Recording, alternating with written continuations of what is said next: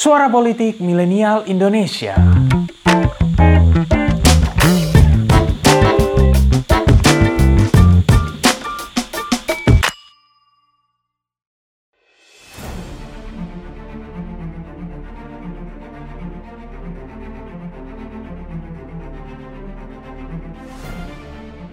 tiba-tiba waktu sidang dibuka jam 10, ya, Ketua MPR mengumumkan ada tiga calon, itu ada screennya besar.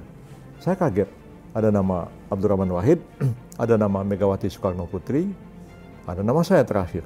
Dan saya lihat di depan tuh kok agak-agak ada ribut-ribut antara pimpinan MPR itu, antara Husni Tamrin dan eh, Yusuf Amir Faisal. Nah, belakangan baru saya tahu mereka protes. Kenapa jadi ada tiga? Kan cuma satu calonnya.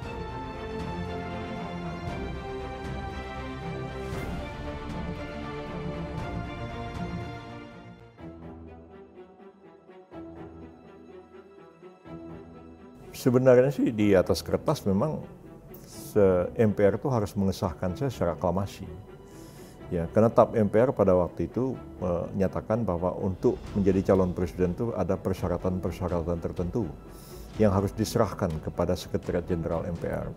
Ya, syarat-syarat itu antara lain pertama uh, warga negara Indonesia bertakwa pada Tuhan Yang Maha Esa, kemudian ada uh, ijazah, kemudian surat keterangan uh, tidak terlibat G30S yang dikeluarkan oleh uh, paling sedikit Kodam kalau saya salah pada waktu itu. Kemudian ada surat kelakuan baik yang ditandatangani oleh Kapolri, ada surat tidak uh, apa namanya dalam keadaan pilot dan itu ditandatangani oleh Ketua Mahkamah Agung.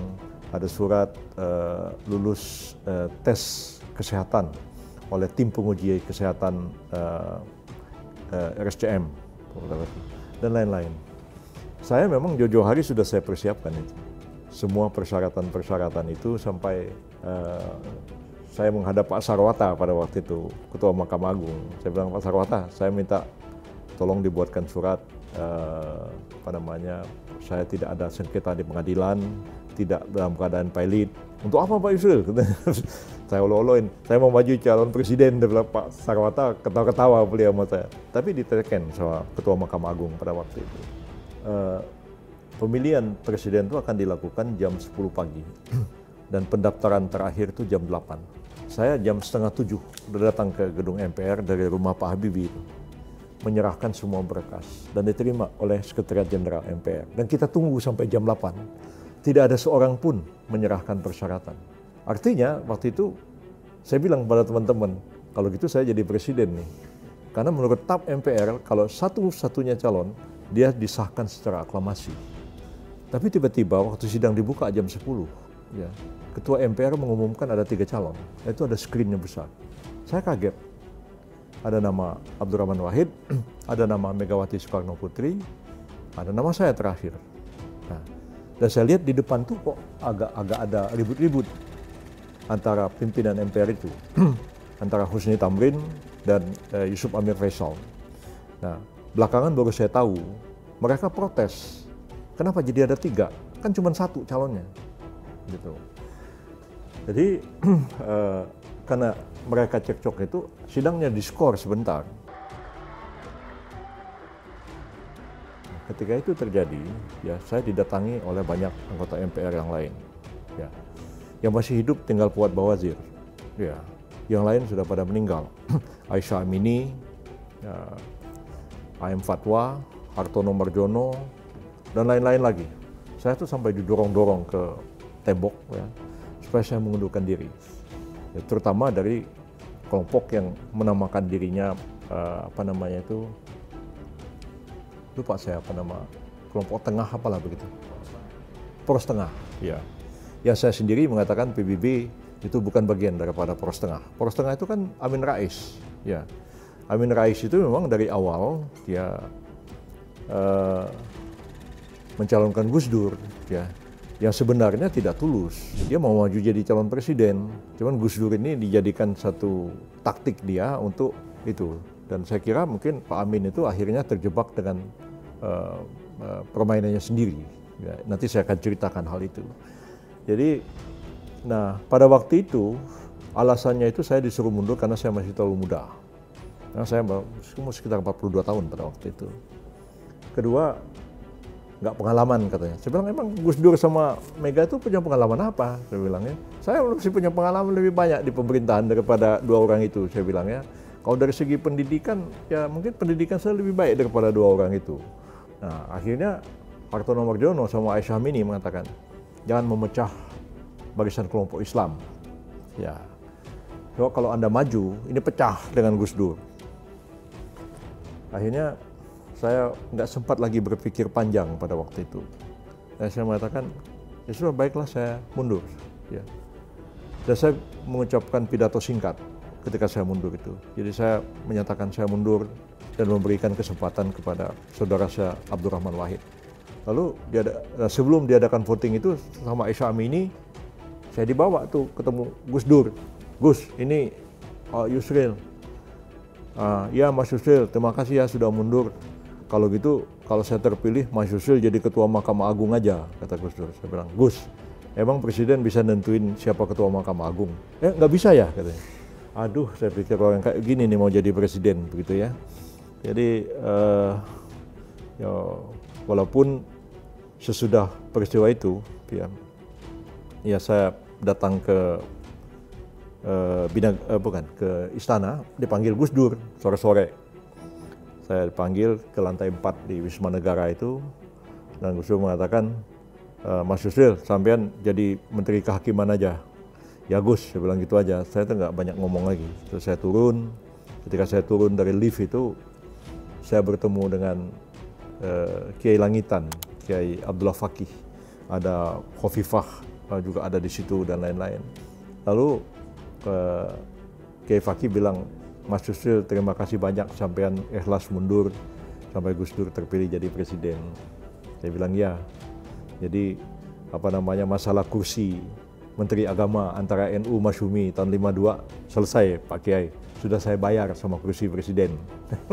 jadi apa namanya uh, apa namanya kan salah satu sebab NU keluar dari Masyumi tahun 52 kan itu kursi Menteri Agama walaupun ada sebab-sebab lain tentunya. Uh, jadi ya udah saya uh, mundur begitu dan saya kira ya itu momen yang tidak akan pernah terulang lagi. Pak Habibie sempat marah sama saya kenapa saya mundur. Tapi juga saya uh, berapa detik pada waktu saya ditelepon oleh uh, Pak Takebi sama uh, Shinzo Abe. Ya, dia mereka kawan sama saya Jepang. Dia bilang, Yusuf jangan mundur, jangan maju sekarang. Ya, kamu masih terlalu muda. Itu nasihatnya dari Jepang. Tapi Pak Habibie marah sama saya. Karena kan saya mau maju calon presiden itu kan setelah perdebatan panjang di rumah Pak Habibie malam itu. Pak Habibie kan ditolak pidato pertanggung jawabannya. Uh, orang-orang masih paksa Pak Habibie mau maju calon presiden. Pak Habibie marah, dia nggak mau. Dan banyak orang ditawarkan jadi calon presiden nggak ada yang berani. Akbar Tanjung, Hamzah Has, Ginanjar. Akhirnya saya bilang kalau nggak ada yang berani, saya yang maju calon presiden. Pak Habibie terus antarin saya ke depan, dia bilang, Yusril, kamu maju calon presiden, nanti wakil presidennya Wiranto. Kenapa Wiranto? Saya bilang, ya kamu nanti akan menghadapi tantangan, biar militer yang hadapi. Wah, saya pikir banyak hal terjadi pada pagi itu. Ya, itu saya masih ingat peristiwa itu satu demi satu. Jadi, ya itu sekali saya suruh mundur. Kedua, ketika Gus Dur sudah diberhentikan jadi presiden, Mega jadi uh, presiden, siapa wakilnya? Teman-teman bilang, Bang Yusril maju aja. Oke, kita maju. Hamzah Has bolak-balik bolak-balik datang ke rumah. Ya. Orang-orang NU bolak-balik bolak-balik datang ke rumah. Minta Bang Yusril jangan majulah. Ya, jangan apa namanya memecah belah umat Islam lagi. Mundur lagi dua kali. Nah sekarang pun sudah banyak yang bilang, Yusril jangan maju deh. Nanti ada dua matahari di kalangan umat Islam. Siapa saya bilang? Ya, Anda sama Anies saya bilang, jadi saya ini sudah disuruh mundur lagi untuk ketiga kalinya. Itu yang saya tidak mengerti. Ya, kenapa uh, selalu seperti itu? Ya, walaupun saya nggak tahu apakah saya bisa maju atau tidak. Ya, uh, kelihatannya sih memang berat. Ya, memang berat dan jadi saya ingat apa omongannya Pak Harto ke saya. Pak Harto sering bilang, kamu harus ingat real. Momentum itu tidak terulang dua kali, kata Pak Harto. Iya betul. Jadi saya mundur jadi calon presiden itu uh, tidak akan terulang dua kali. Karena kan setelah itu tidak ada lagi pemilihan presiden melalui MPR. Udah pemilihan langsung kayak sekarang dengan segala macam threshold 20% segala macam makin kecil kemungkinan uh, untuk itu. Jadi kalau anda tanya sama saya apakah saya uh, apa menyesal kecewa dengan hal itu, saya pikir ya mungkin orang tuh kalau jadi menteri jadi gubernur apa ya mungkin bisa diusahakan ya. Tapi kalau jadi presiden tuh barangkali memang tuh sudah sudah suratan takdir juga, sudah garis tangan juga ya. Karena banyak orang yang kita tidak pikir bisa jadi presiden seperti Gus Dur, ya bisa jadi uh, presiden, ya kan? Bahkan kalau kita baca kitab fikih pun mengatakan bahwa Gus Dur itu tidak memenuhi syarat menjadi presiden. Kan kitab fikih yang dibaca di pesantren itu kan kitab fikihnya Imam Al-Mawardi, Allah Kamu Sultaniyah. Dalam Allah Kamu Sultaniyah itu ada syarat-syarat orang menjadi presiden. Laki-laki, mukmin, suku Quraisy dan segala macam dan orang ciri kesehatannya harus begini-begini. Tapi toh Gus Dur bisa jadi presiden. Orang juga tidak bisa membayangkan uh, apa Pak Jokowi bisa jadi presiden. Jadi uh, besok tiba-tiba barangkali uh, siapa itu anaknya Pak Jokowi yang jadi wali kota Solo, Gibran bisa jadi presiden. Tiba-tiba ke Jakarta jadi gubernur langsung jadi presiden. Kita nggak bisa uh, membayangkan. Jadi saya pikir kalaupun memang tidak hidupnya sampai di sini pun ya sudahlah. Saya nggak bisa bilang apa-apa lagi.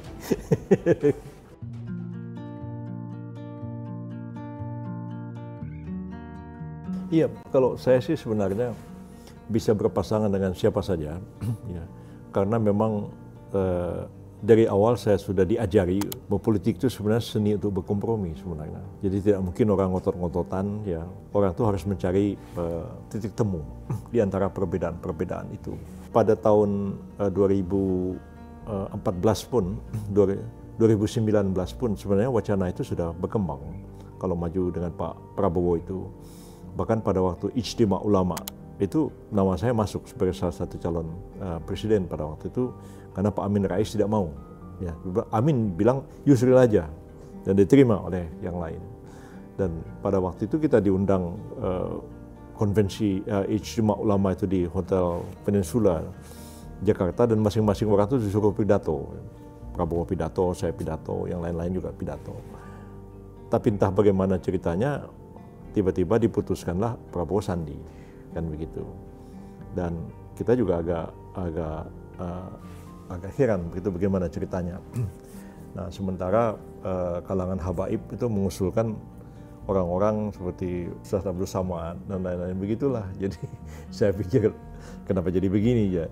Alasannya karena Prabowo itu tidak uh, apa namanya mendalam pemahamannya terhadap Islam, maka perlu didampingi oleh kiai-kiai seperti itu.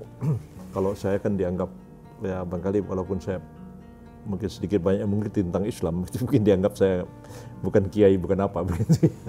uh, jadi uh, sesudah itu ya kita tidak tahu bagaimana ceritanya dan ya nggak jadi begitu. Nah kalau sekarang ini wacana itu hidup lagi, ya, ada bilang oh Yusril pasangan sama Puan aja, ada juga yang wacana begitu, ada yang pasangan sama Pak Prabowo lagi itu muncul beberapa minggu terakhir ini. Ya dan kabarnya memang ada pembicaraan-pembicaraan tentang itu walaupun saya sendiri tidak terlibat secara langsung. Tapi intinya sih bagi saya eh, berpasangan dengan siapa saja mungkin aja begitu. Eh, sangat mungkin dengan hal itu. Dan kita sifatnya itu kan saling menutupi kelemahan masing-masing dan eh, ya untuk kebaikan bersamalah begitu. Jadi kalau dipasangkan dengan siapa pun, apakah menjadi wakil presiden pun sebenarnya saya terima aja keadaan itu. Cerita dari masa lalu itu tidak bisa. Iya, memang uh, politik ini kan terus dinamis ya, dan terus menerus mengalami perubahan dan mencari format yang baru uh, sesuai dengan uh, perkembangan dan perubahan zaman itu sendiri. Memang uh, politik yang didasarkan kepada aliran-aliran politik itu kan sejak awal abad 20 yang lalu pun sebenarnya sudah ada ya. Bung Karno tahun 20-an sudah menulis apa nasionalisme, Islamisme, Marxisme ya, mengkonstatir adanya tiga aliran atau kekuatan politik yang ada di uh, kalangan bangsa kita pada waktu itu. Dengan tidak adanya lagi uh, Marxis tahun 65 sampai sekarang, maka yang tersisa itu adalah kekuatan Islam dan kekuatan nasionalis yang menurut hemat saya kedua-duanya itu pun sebenarnya sulit untuk bersatu. Ya, bukan hanya partai Islam pecah, partai nasionalis pun juga pecah. Dan itu dari sebelum kemerdekaan pun ada Parindra, ada eh, PNI, ada macam-macam partai nasionalis, tapi juga partai Islam, ada Serikat Islam, ada Penyadar, ada macam-macam. Dan pada waktu awal kemerdekaan pun mula-mula memang hanya Masyumi sebagai salah satunya partai kan, tapi kemudian PSI bentuk sendiri, kemudian NU keluar tahun 52, muncul Perti. Begitu juga partai-partai nasionalis. Jadi sebenarnya partai-partai itu kalau saya amati ya, potensinya untuk bersatu itu lebih kecil daripada potensinya untuk pecah. lebih besar potensinya untuk berpecah belah itu. Ya, karena memang politik ini kan penuh dengan kepentingan-kepentingannya. Jadi mungkin kalau dalam dunia bisnis barangkali ya agak lebih solid. Tapi kalau dalam politik ini memang kepentingan terlalu banyak dan perpecahan itu sering kali terjadi. Tapi eh, baik di masa lalu maupun ke depan Eh, keberadaan dari dua kekuatan politik ini tetap signifikan antara nasionalis dan Islam. Walaupun antara keduanya itu sebenarnya sudah tidak begitu tajam perbedaannya. Ya, kalau dibandingkan dengan tahun 50-an, 60-an eh, dan keadaan sekarang itu jauh berbeda.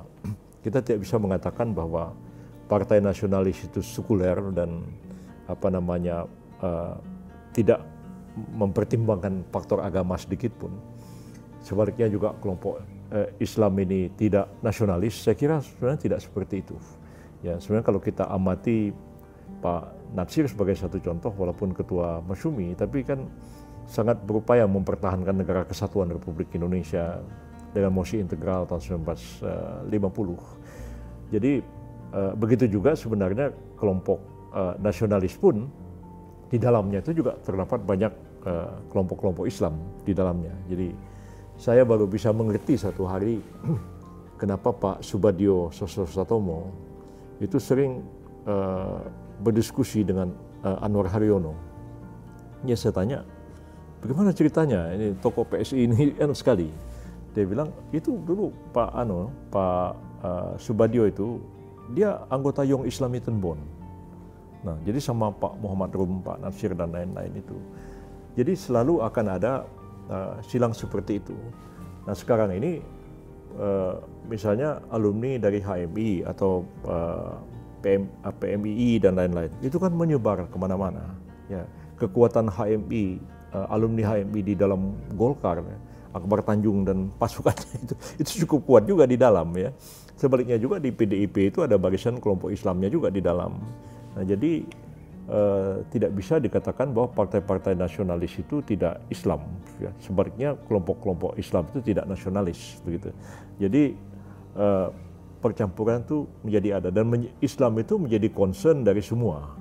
Tidak hanya concern partai-partai Islam, tapi juga menjadi concern dari partai-partai uh, nasionalis itu. Nah, saya ingat satu hari sebagai Menteri Kehakiman saya waktu itu bersama Mendagri mengajukan rancangan undang-undang tentang Nanggure Aceh Darussalam. Ya. Kemudian yang kedua itu uh, rancangan undang-undang pemerintahan Aceh sesudah Helsinki. Saya dua kali menyiapkan RUU Aceh itu.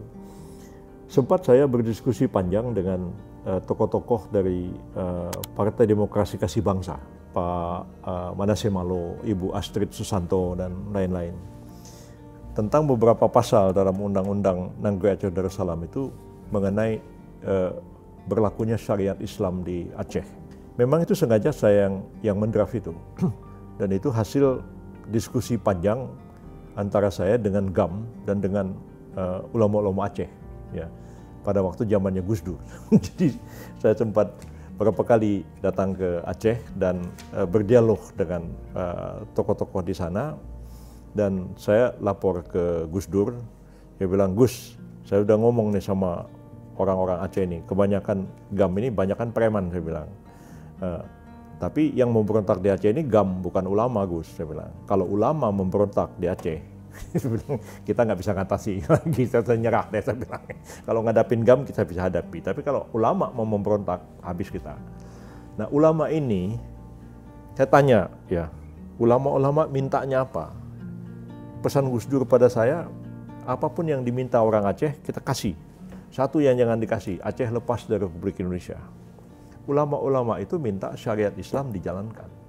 Dia bilang, Pak Yusil, bilang sama Gus Dur, kalau syariat Islam dijalankan di Aceh, kami ulama-ulama inilah yang akan berjihad mempertahankan Aceh sebagai bagian dari Republik Indonesia. Nah karena itu, ya itu kompromi. Kemudian dituangkan. Dan kompromi itu tetap kita pertahankan ketika Hamid Awaludin sama Sofian Jalil pergi ke saya nggak ikut berunding kan ya di Helsinki karena saya mensesnek. Mensesnek kan harus jaga gawang di istana situ. Tapi saya saya dengerin mereka berunding itu kami di sana bisa bisa monitor apa perundingan itu dan uh, tetap dimasukkan. Nah itu oleh demokrasi uh, kasih bangsa yang notabene adalah partai Kristen itu sempat dipertanyakan dan saya menjelaskan panjang lebar kepada beliau-beliau itu sampai Pak Manase dan e, Ibu Astrid mengatakan kalau seperti itu penjelasan tentang syariat sudah nggak ada alasan bagi kami Partai Kristen untuk tidak menerimanya. Nah, detail sekali mereka tanya. Sampai ada ditanya begini, kalau orang Islam maling ayam orang Kristen, hukum apa yang dipakai? Sebaliknya kalau orang Kristen maling ayam orang Islam, hukum apa yang dipakai? Itu saya jawab semua pertanyaannya. Dan setelah itu nggak ada masalah. Termasuk pada waktu itu eh, PDIP, Permadi, Permadi yang tokoh kebatinan itu. Jadi kalau mau rapat bawa Kris tuh ke DPR. Jadi ini yang ngomong siapa nih, Pak Permadi atau yang di belakang itu yang ngomong nih. Jadi kalau mau rapat bawa Kris. Jadi uh, Pak Permadi pun asal sama fraksi PDIP menyetujui berlakunya syariat Islam di Aceh itu setelah saya jelaskan itu tidak mengganggu orang Kristen, tidak diskriminatif segala macam, bahkan itu keadilan bagi semuanya. Nah, jadi uh, saya pikir eh, hal-hal seperti ini tidak hanya menjadi concern dari Partai Islam, tapi PDIP pun bisa terima, apa namanya Partai Kristen bisa terima. Jadi di masa belakangan ini kan banyak RUU muncul di DPR, ya seperti yang berkaitan dengan Islam, ya dan itu justru terjadi pada zaman Jokowi. Nah, jadi padahal kekuatan Islamnya secara persentase mungkin makin melemah di DPR. Tapi kepentingan Islam itu justru diperjuangkan oleh Golkar, oleh PDIP, oleh partai-partai yang lain. Nah, jadi ini sebenarnya format baru sebenarnya politik Islam. Tapi bagaimanapun dia tetap akan memberikan warna kepada politik Indonesia sekarang maupun masa depan walaupun saya tetap uh, bercita-cita jangan sampai kekuatan politik Islam itu uh, apa namanya uh, habis sama sekali ya. ya jadi saya ingat dulu pada waktu tahun 99 uh, saya bertemu dengan Pak Nurholis Majid dan Pak uh, Harun Kamil ya mereka ini di fraksi uh, utusan golongan dan utusan daerah pada waktu itu jadi Pak Harun Kamil bilang justru uh, kita calonkan Pak Nurholis Majid aja jadi calon presiden uh, supaya PBB dan P3 mencalonkan Nurholis Majid. Saya bilang dulu partai Islam uh, Islam yes, partai Islam no. Saya bilang gitu. Sekarang nih Pak Nurholis gimana? Kok minta dukung sama partai Islam? Pak Nurholis dia ketawa. Jadi nah akhirnya dia kan kena kena apa namanya uh, apanya jadi bumerang ucapannya sendiri ya. Ucapan dia tahun 70 mengenai Islam yes, Partai Islam no itu kan cukup menghebohkan pada waktu itu kan. Uh, saya kira sebuah bangsa itu akan mengalami estafet, ya, karena bagaimanapun orang akan mati kan begitu. eh, orang-orang yang tadi saya ceritakan sama anda, ya, tidak ada satupun yang hidup, ya termasuk yang terakhir saya sebut Pak Nurholis Majid dan Pak uh, Harun Kamil. Nah, jadi peristiwa ya, apalagi Pak Harto dan sudah nggak ada yang hidup ya. Saya mungkin karena pada waktu itu termasuk yang paling muda, jadi masih masih hidup sampai sekarang. ya besok-besok kan akan mati juga begitu. Tapi uh, generasi muda itu harus me mempelajari masa lalu. ya, masa lalu itu uh, walaupun sudah banyak buku ditulis orang tentang masa lalu itu, tapi kita tetap harus membacanya kembali dan menghadirkannya kembali sekarang, lalu kemudian memberikan makna baru terhadap apa yang terjadi di masa yang lalu itu. Kita bisa mengatakan begini, ada kata Bung Karno hidup sekarang, atau Sultan Syahrir hidup, atau Natsir hidup Walaupun yang tidak mungkin hidup. Tapi pikiran-pikiran dia itu kita hadirkan kembali sekarang untuk kita analisis perkembangan masyarakat kita ini. Lalu kita memberikan kritik dan sekaligus jawaban terhadap perkembangan yang terjadi sekarang. Saya kira itu akan sangat bermakna. Jangan sampai generasi muda itu tidak paham sama sekali terhadap sejarahnya. Ya. Dan ini sudah banyak terjadi, baik di kalangan uh, Islam maupun di kalangan nasionalis, kurang paham terhadap jejak masa lalu. Ya. Saya bersyukur saya banyak uh, berguru dengan orang-orang yang sangat uh, dekat dengan sejarah. Ya. Saya kenal baik Pak Taufik Abdullah, ya, ya uh, Buya Hamka yang punya gaya historiografis tersendiri dalam tulisan-tulisannya begitu ya. Saya, kan, saya menjadi asistennya Osman Ralibi yang menulis dokumenta historika ya, berapa jilid tebal begitu. Dan uh, memahami masa lalu itu penting untuk memberikan ilham kepada kita bagaimana kita mau kita bawa ke mana bangsa ini. Nah, kadang-kadang anak-anak muda ini terlalu berorientasi keluar. Ya, memang ya itu lumrah saja. Kan barang import lebih baik daripada produksi dalam negeri kan, kan seperti itu. Ambil contoh misalnya di kalangan HMI dan PII, ya mereka baca buku Hasan Al-Banna, baca buku Said Abdul Alam Maududi, baca buku macam-macam dari luar tentang pemikiran uh, politik Islam. Tapi mereka tidak mau baca misalnya Islam dan sosialismenya Cokro Aminoto misalnya atau membaca uh, tulisan-tulisan Muhammad Natsir yang begitu banyak, Muhammad Rum dan lain-lain. Atau membaca tulisan-tulisan Hamka yang lebih ringan begitu. Atau lebih jauh lagi misalnya baca tulisan Raja Ali Haji, ya seorang pejangga Melayu yang menulis banyak sekali kitab tentang ketatanegaraan uh, Melayu Riau di zaman yang lalu. Nah, lalu berkiblat ke uh, Maududi, berkiblat ke uh, Ikhwanul Muslimin di Mesir. Kalau sekarang ini apalagi ya, berkiblat kepada apa namanya Hizbut Tahrir di uh, Suriah begitu atau kepada yang lain-lain ya gerakan-gerakan Islam harakah Islamiyah yang kontemporer sekarang. Yang menurut saya ya bisa kita belajar.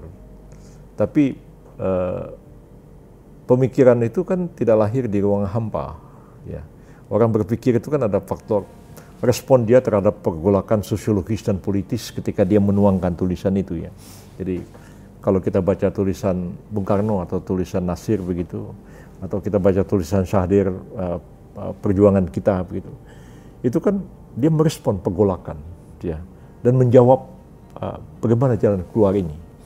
Jadi kan seorang pemimpin itu kan orang yang harus mengerti persoalan-persoalan fundamental yang dihadapi oleh uh, bangsanya dan dia uh, memformulasikan problema-problema itu dan memberikan satu solusi uh, yang cerdas untuk mengatasinya. Kalau nggak memenuhi syarat itu, menurut saya orang itu ya baik nggak usah jadi pemimpin. Terpilih jadi presiden, tapi terus bingung apa yang mau dikerjakan ya jadi presiden ini. Kita celaka kalau begini, bangsa ini begitu.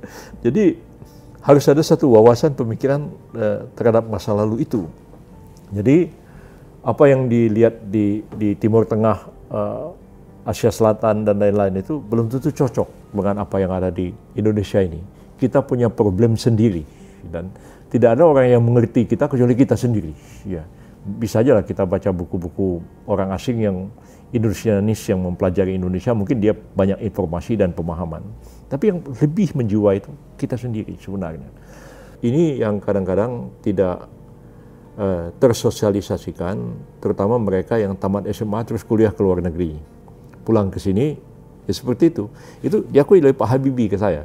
Rumah dia di, di situ tuh di bawah di Kuningan itu. Dia cerita sama saya, katanya, saya waktu pulang dari Jerman disuruh pulang, ya. Saya jadi menteri, dikasih rumah rumah Pertamina di Pertamina itu. Saya tidak tahu jalan pulang ke rumah saya itu di mana katanya. Bapak saya. Satu hari juga Pak Habibie waktu dia jadi presiden, dia Yusril tinggal di mana? Saya bilang, saya tinggal di Ciputat. Di mana Ciputat itu? begini. Saya katanya tidak mengerti jalan, tidak lebih daripada rumah saya di Kuningan sampai ke PPT dan ke istana ini. Lebih dari itu saya tidak mengerti jalan. Nah, Pak Jokowi pun mengalami hal yang sama, ya. Dari Solo jadi gubernur DKI, ya. uh, bicara tentang sungai, ya mungkin barangkali di Solo ya, ya ada Bengawan Solo itu di Jakarta ini ya, sungai itu begitu banyaknya dan bagaimana mengatasi banjir di Jakarta saya melihat Pak Jokowi itu seperti orang kebingungan hari-hari pertama dia menjadi presiden eh, menjadi gubernur DKI pada waktu itu nah saran saya kepada generasi muda ya kita menimba ilmu dari mana-mana ya tapi kita harus mengaplikasikannya dengan situasi dan kondisi yang dihadapi oleh bangsa kita ini saya sendiri juga dulu waktu belajar hukum ya saya selalu diketawain sama uh, teman-teman yang uh, di kalangan pesantren. Katanya, Yusril, kamu itu belajar apa di Fakultas Hukum UI itu belajar hukumnya Belanda katanya bilang. Saya bilang siapa bilang? Saya belajar hukum Belanda ya. Uh, saya belajar hukum Islam juga saya bilang ya. Jadi saya mencoba mengkombinasikan antara kakek saya dengan ayah saya. Kakek saya itu orang konservatif ya. Ada fotonya tadi di situ orangnya pakai sorban begitu ya. Orang sufi ya. Walaupun dia seorang bangsawan sebenarnya. Jadi uh, sufi dan itu mengharamkan huruf Latin ya. Lampu listrik itu sama kakek saya haram jadi di rumahnya tuh nggak ada lampu listrik lampunya pakai lampu minyak begitu katanya listrik itu nggak ada di zaman Nabi katanya begitu jadi dan kakek saya tuh pergi haji naik perahu ya dia nggak mau pergi haji itu naik kapalnya Belanda, dia nggak mau. Naik perahu yang mereka bikin sendiri. Sebegitu konservatifnya, bapak saya itu nekat sekolah Belanda. Nah, makanya konflik kakek dengan bapak saya itu begitu tajam pada waktu bapak saya masih muda. Sampai satu saat bapak saya, kakek itu mengerti tentang bapak saya kenapa dia sekolah Belanda itu. Nah, nah saya generasi ketiga itu sebenarnya kombinasi dari kakek saya yang antik itu dengan bapak saya yang agak liberal pikirannya. Jadi kita ketika kita belajar ya, saya membaca kitab-kitab klasik uh, apa Arab ya, mempelajari juga buku-buku uh, Belanda, uh, literatur Inggris, Jerman dan lain-lain begitu dan mencoba mengkombinasikan sehingga pikirannya itu agak ya saya bukan kakek saya, bukan bapak saya juga, tapi sudah merupakan sesuatu yang sintesis antara keduanya barangkali. Dan makanya dalam melihat soal-soal Islam, makanya pikiran saya agak unik ya. Dengan kakek saya beda, dengan bapak saya beda. Nah, saya kira uh, ketika kita menghadapi persoalan-persoalan uh, eh, bangsa kita ini, ya Indonesia ini nggak ada duanya di dunia ini, ya dengan segala kemajumukan dan segala uh, kerumitannya yang ada, nggak ada duanya di dunia ini. Dan karena itu kita harus mengerti betul ya spirit problem yang dihadapi oleh bangsa kita ini dan kita harus mencari satu solusi yang paling tepat untuk di sini. Nah, kalau Pak Habibie itu dulu dia mengembangkan ya, dia kembangkan LIPI, kembangkan Batan dan lain begitu ya, melakukan research di bidang nuklir, tapi dia punya BPPT. Jadi apa namanya teknologi ini sebelum diterapkan tuh diuji dulu ya. Makanya Badan Pengkajian dan Penerapan Teknologi yang paling sesuai dengan kita yang paling cocok dengan kita. Jadi itu adalah pertimbangan-pertimbangan yang saya kira mesti uh, sangat wise kita lakukan. Ya, jadi jangan juga kita terus me menggunakan teknologi yang terlalu canggih sehingga uh, tenaga kerja kita tidak terserap lagi. Itu sebagai satu contoh yang sederhana lah ya. Ingat waktu saya ketemu Anwar Ibrahim yang dialog terakhir itu, uh, saya menyarankan kepada dia kan, Malaysia itu kan selalu menghadapi problem tenaga kerja. TKI Indonesia terutama juga bikin ribut kadang-kadang. Mahathir juga pernah bilang sama saya katanya, dulu Yusril katanya di Malaysia ini orang nggak pernah kehilangan sepatu, ya. Tapi setelah ada orang Indonesia kerja di sini, orang sebagian Indonesia sepatunya sering hilang katanya. Jadi saya bilang, ah, itu kan ya ekses saja begitu. Tapi mungkin ya setelah Malaysia itu sekian lama eh, melakukan industrialisasi, mungkin Malaysia itu lebih baik melangkah ke high tech. Ya kan? Kalau dia melangkah ke high tech, tenaga kerja kan tidak kurang, eh, tidak begitu banyak. Dan pabrik-pabrik yang manufaktur di Malaysia kan bisa direlokasi ke Indonesia. Sehingga orang Indonesia itu kerja di perusahaan Malaysia tapi di Indonesia. Nah, itu saya kira satu solusi untuk mengatasi keadaan. Nah, jadi makin banyak problem yang kita hadapi ini, makin harus lebih cerdas juga kita uh, menyelesaikannya dan bagaimana kita memberikan satu respon yang sesuai dengan keadaan kita hadapi sekarang.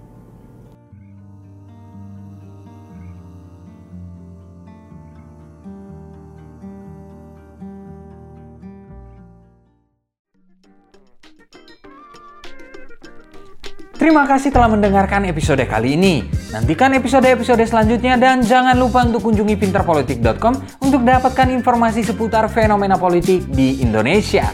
See you next time and bye-bye.